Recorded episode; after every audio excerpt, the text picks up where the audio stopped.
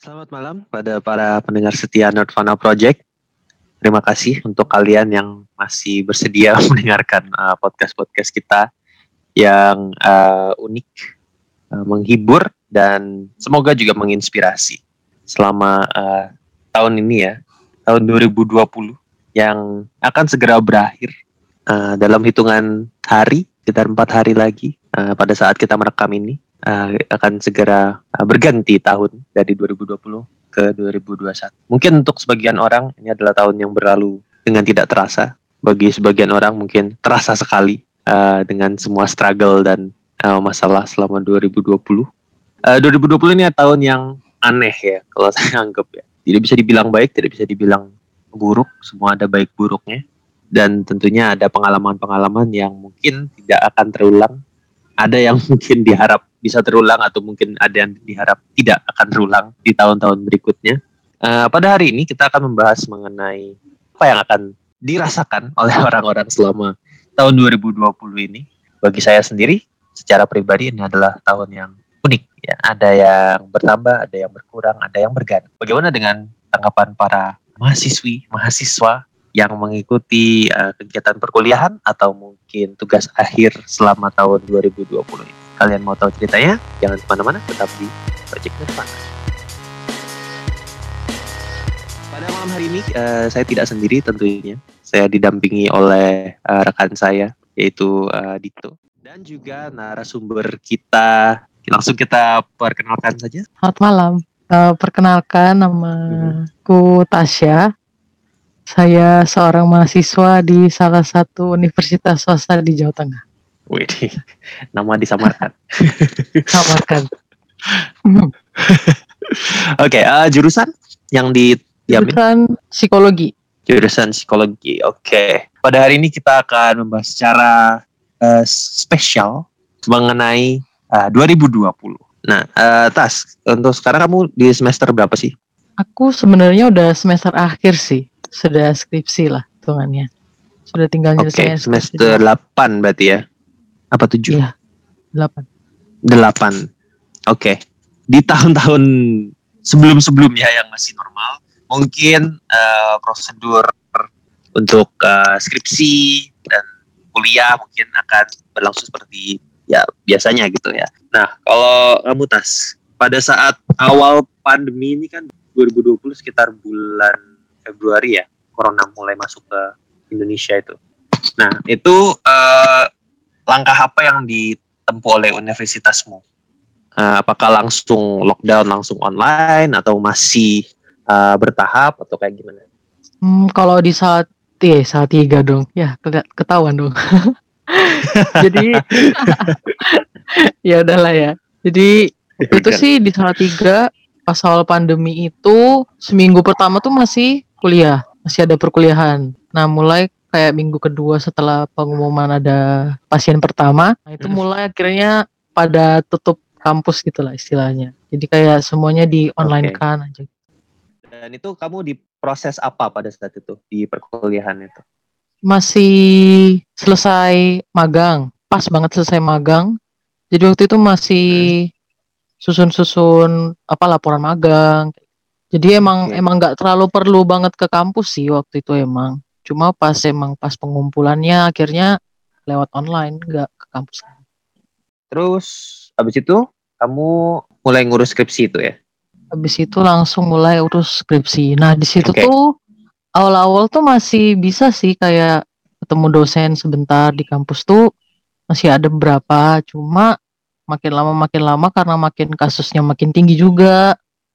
Saat tiga jadinya ya udah bener-bener hmm. pure 100% online termasuk bimbingan, sempro, semhas dan segala macam itu. Menurut kamu atau apa yang apa yang kamu rasain sih selama ya skripsian secara online ini uh, menurut kamu kayak gimana sih rasanya? Bisa ceritain nggak? Ya pasti ada enaknya, ada enggaknya kan. Kalau enaknya tuh pasti kayak hmm. Nggak ngerasa terlalu dikejar-kejar sih, karena kan kalau misalnya kita bimbingan langsung sama dosen, kayak ketemu langsung dosen tuh kayak ini ini ini ini ini ini ini ini, ini gitu kan. Tapi kalau online tuh kayak misalnya lebih hmm. santai gitu. Cuma nggak enaknya ya karena santainya itu juga bisa buat nggak enak. Kadang juga dosennya di email berapa hari tuh nggak dibales-bales seminggu nggak dibales belum lagi Hmm. kalau misalnya dosennya tuh masih ngurusin ini ngurusin ini soalnya kan dosen karena jadi online serba online dosennya juga Hmm. pekerjaannya tambah banyak gitu kan jadinya Ya, dia juga benar-benar. harus membagi nih antara anak mahasiswanya, tugas kampusnya dia, mungkin dia menjabat sebagai apa. Jadinya benar-benar agak lambat sih. Kalau dia sih menurutku terasa lebih lambat. Cuma karena Betul. ya beruntungnya karena aku angkatan 2016 ya. Angkatan tua lah istilahnya ya. Jadi sedikit diprioritaskan gitu. Jadi chat-chatku, email-emailku tuh masih dibahas, eh masih dibalas cepet gitu. Daripada yang 2017, 2018 gitu. Gitu sih. I see, I see, I see, I see. Terus untuk eh, birokrasi gitu, misalnya kan untuk kayak daftar semhas atau daftar sidang itu kan biasanya kita harus ke kampus melewati ya pendaftaran ini itu. Nah, kamu kalau selama pandemi ini kayak gimana untuk birokrasi kayak gitu? Kalau kemarin sih sempronya itu benar-benar cuma pure online. Jadi kayak kita dikasih Google Form, Google Form linknya gitu. Kita tinggal Mhm. kasih data diri, transkrip nilai, sama eh, soft file dari skripsi kita, proposal kita gitu. Terus udah, tinggal nunggu aja feedbacknya gitu. Tiga minggu atau sebulan gitu.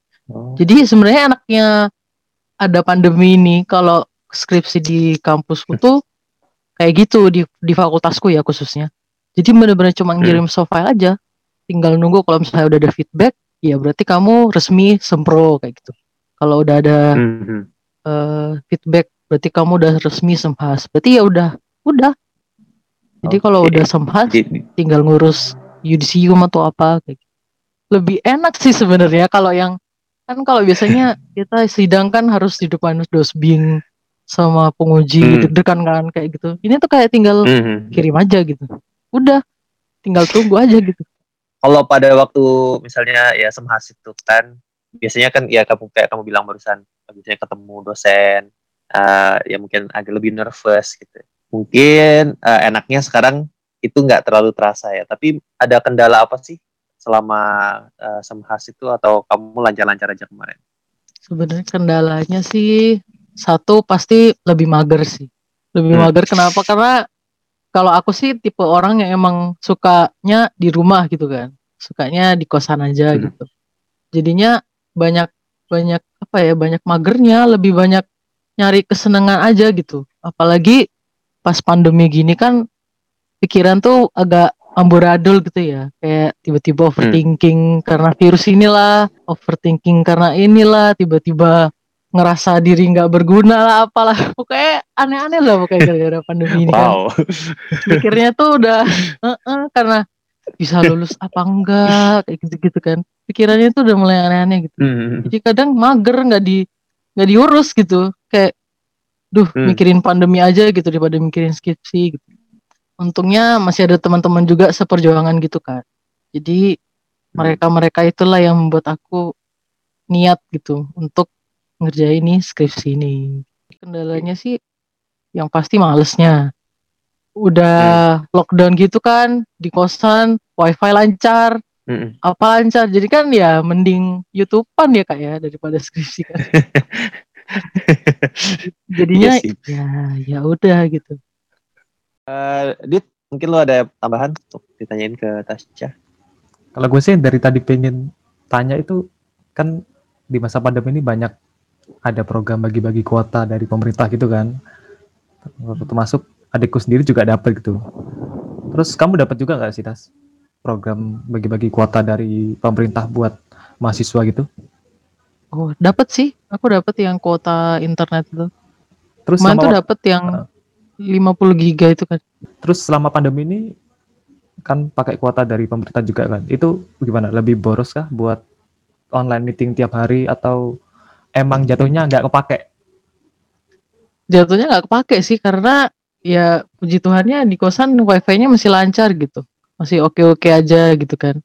Jadi emang emang nggak pernah pakai kuota kalau nggak di luar gitu kan. Kalau di kos ya pasti pakai wifi. Ya untung ya nggak kepake sih ujung-ujungnya. Jadi kadang 50 giga tuh kayak nggak kepake apa-apa gitu. Cuma ya Oh. bagus sih buat jaga-jaga tiba-tiba wifi error atau apa gitu. Oh, Oke, Tapi seenggaknya- sebenarnya kampus juga ngasih sih waktu Ah. itu sempet ngasih bantuan apa kuota, cuma dalam bentuk duit. Jadi Oh, gitu. ditransfer di iya di ditransfer di rekening kita masing-masing gitu. Oh, itu baru tahu gue ada bantuan berupa duit kan. Memang biasanya kuota yang secara langsung dikasih ke nomor HP masing-masing gitu kan.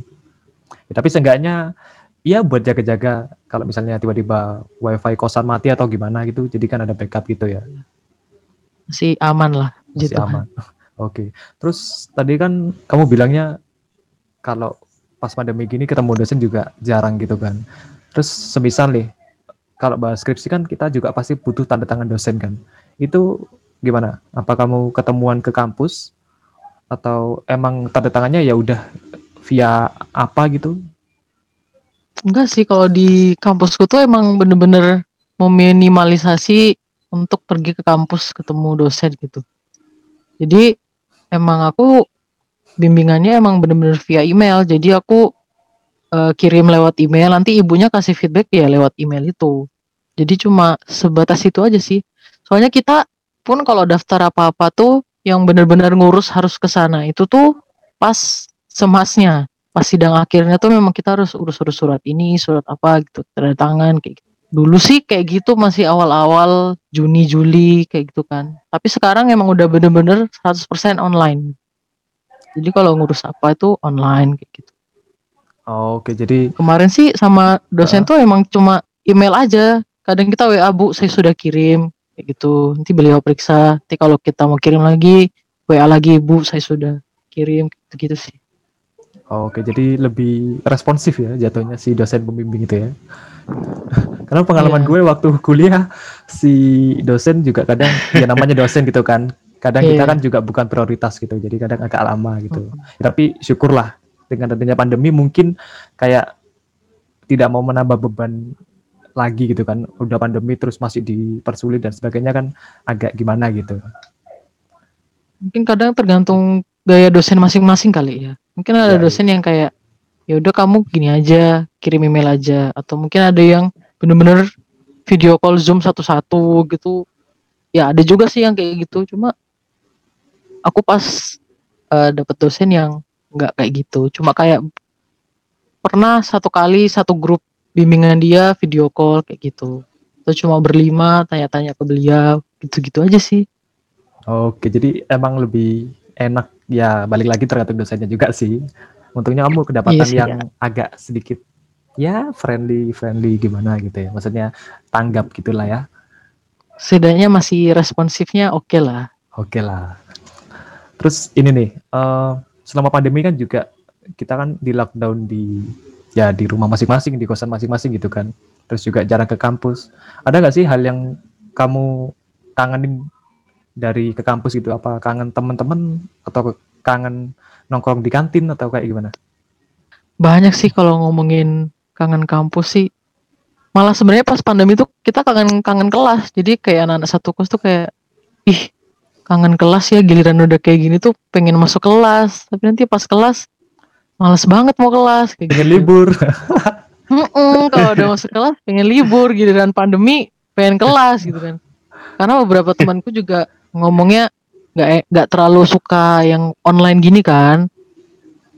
Heeh. Jadi mereka ngerasa kayak kuliah online tuh eh ribet gitulah pokoknya. Walaupun enak mereka bisa kayak sesuka mereka habis bangun tidur atau apa gitu. Cuma apa atmosfernya kita ada di kelas tuh sebenarnya itu yang membuat apa ya pembelajaran itu jadi lebih seru gitu daripada harus di lewat laptop kayak gitu-gitu. Kangen sih jadinya eh merasa sedikit beruntung sih sebenarnya. Aku melewatkan hari-hari kuliahku tuh kayak 100% di kampus, nggak pas pandemi gitu. Jadi aku bener-bener ngerasain kuliah pas pandemi itu cuma waktu aku skripsi doang, nggak kayak adik-adik kelasku atau teman-temanku yang kuliah tapi mereka kena pandemi. Kangen Oh, sih, kangen suasana kampus yang rame. Kadang tuh kalau ke kampus kayak ke perpus atau sekedar jalan-jalan ke kampus doang tuh sepi tuh kayak ngerasa gila ya nih perasaan kampus nggak pernah sepi ini gitu. Kadang iya biasa malam aja tuh rame gitu loh. Itu malam udah kayak ya ampun udah kayak kuburan sepi banget. Nggak biasa gitu nggak seru gitu rasanya. Aneh gitu. Untuk teman-teman kampus sendiri masih suka ngobrol bareng nggak satu grup skripsian gitu kan? Kadang ya namanya skripsi kan kadang kita juga butuh bantuan dari mereka gitu kan.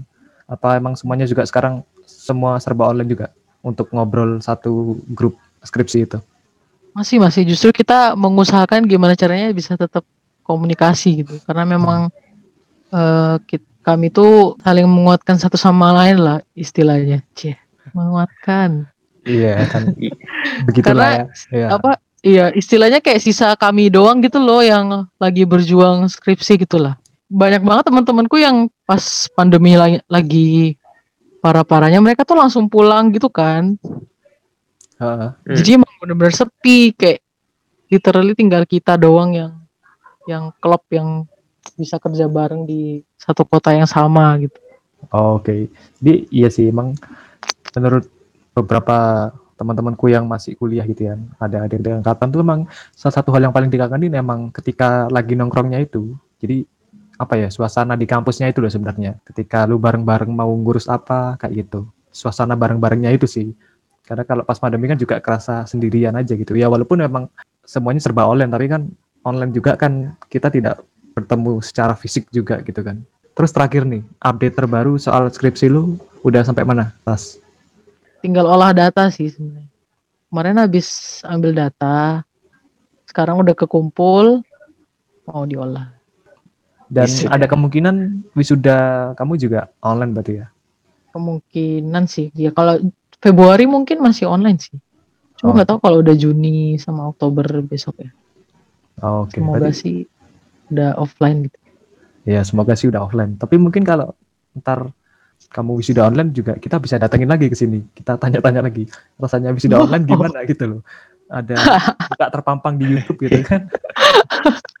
Karena kemarin beberapa temanku yang wisuda online juga banyak yang nge-share screenshotan hasil dari YouTube gitu, ada namanya dan si rektornya ngangguk-ngangguk gitu.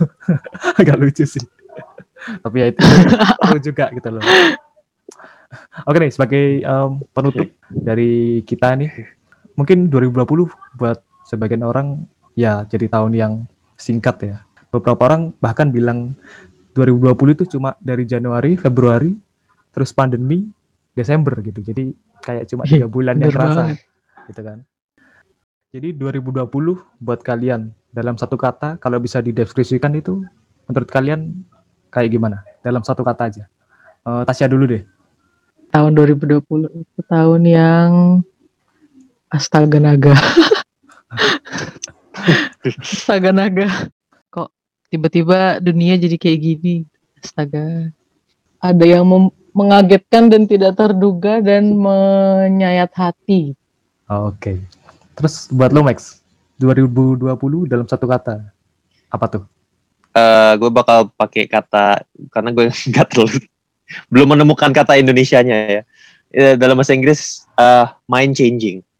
Jadi eh, sebuah tahun yang benar-benar mind changing. Eh, orang juga harus banyak memutar otak lagi baik baik itu dalam eh, usaha atau mungkin tentang pendidikan tentunya Eh, dan juga kesehatan juga bagaimana kita tidak pernah mengalami pasien sebanyak itu di rumah sakit. Jadi ini memang tahun yang mind changing sih. Apakah itu positif atau negatif? Eh, bisa jadi keduanya gitu. Karena mind changing juga bersifat netral ya. Eh, bisa mind changing yang mengejutkan, yang, yang mungkin menyedihkan juga untuk eh, banyak orang. Tapi juga bisa menjadi sesuatu yang positif yang bisa membangkitkan inovasi dan juga mungkin bisa untuk memperbaiki apa yang perlu kita perbaiki ke depannya. Jadi itulah kata yang bakal gue pakai sih. Kalau lu, Dit? Kalau gue sendiri 2020 itu ribet karena ya karena ada protokol kesehatan di mana kita kalau keluar harus pakai masker, harus jaga jarak. Terus habis itu kalau udah pulang ya minimal cuci tangan atau mandi atau gimana gitu kan. Jadi menurut gue ribet sih. Kayak gitu. Oke, jadi em, terima kasih buat Tasya yang udah bersedia hadir di podcast hari ini. Sedikit berbagi suka dukanya eh, skripsian online selama pandemi gitu ya. gue mau ngingetin lagi buat kalian jangan lupa uh, main-main ke Instagram kita di @nirvana.project di mana kita nanti bakal ada teaser untuk konten berikutnya ataupun bintang tamu berikutnya. Dan juga di situ kita ada konten original khusus hanya di Instagram word of the week. Satu kata tiap satu minggu yang bisa berasal dari berbagai macam daerah. Bisa bahasa Indonesia bahasa Inggris bahasa Manado mungkin atau bahasa lainnya yang bisa kalian pakai di tongkrongan ketika kalian bosan dengan kata-kata yang itu-itu aja gitu. Sekian dari kita, terima kasih sudah mendengarkan podcast ini. Selamat malam, selamat beristirahat dan sampai jumpa di episode selanjutnya.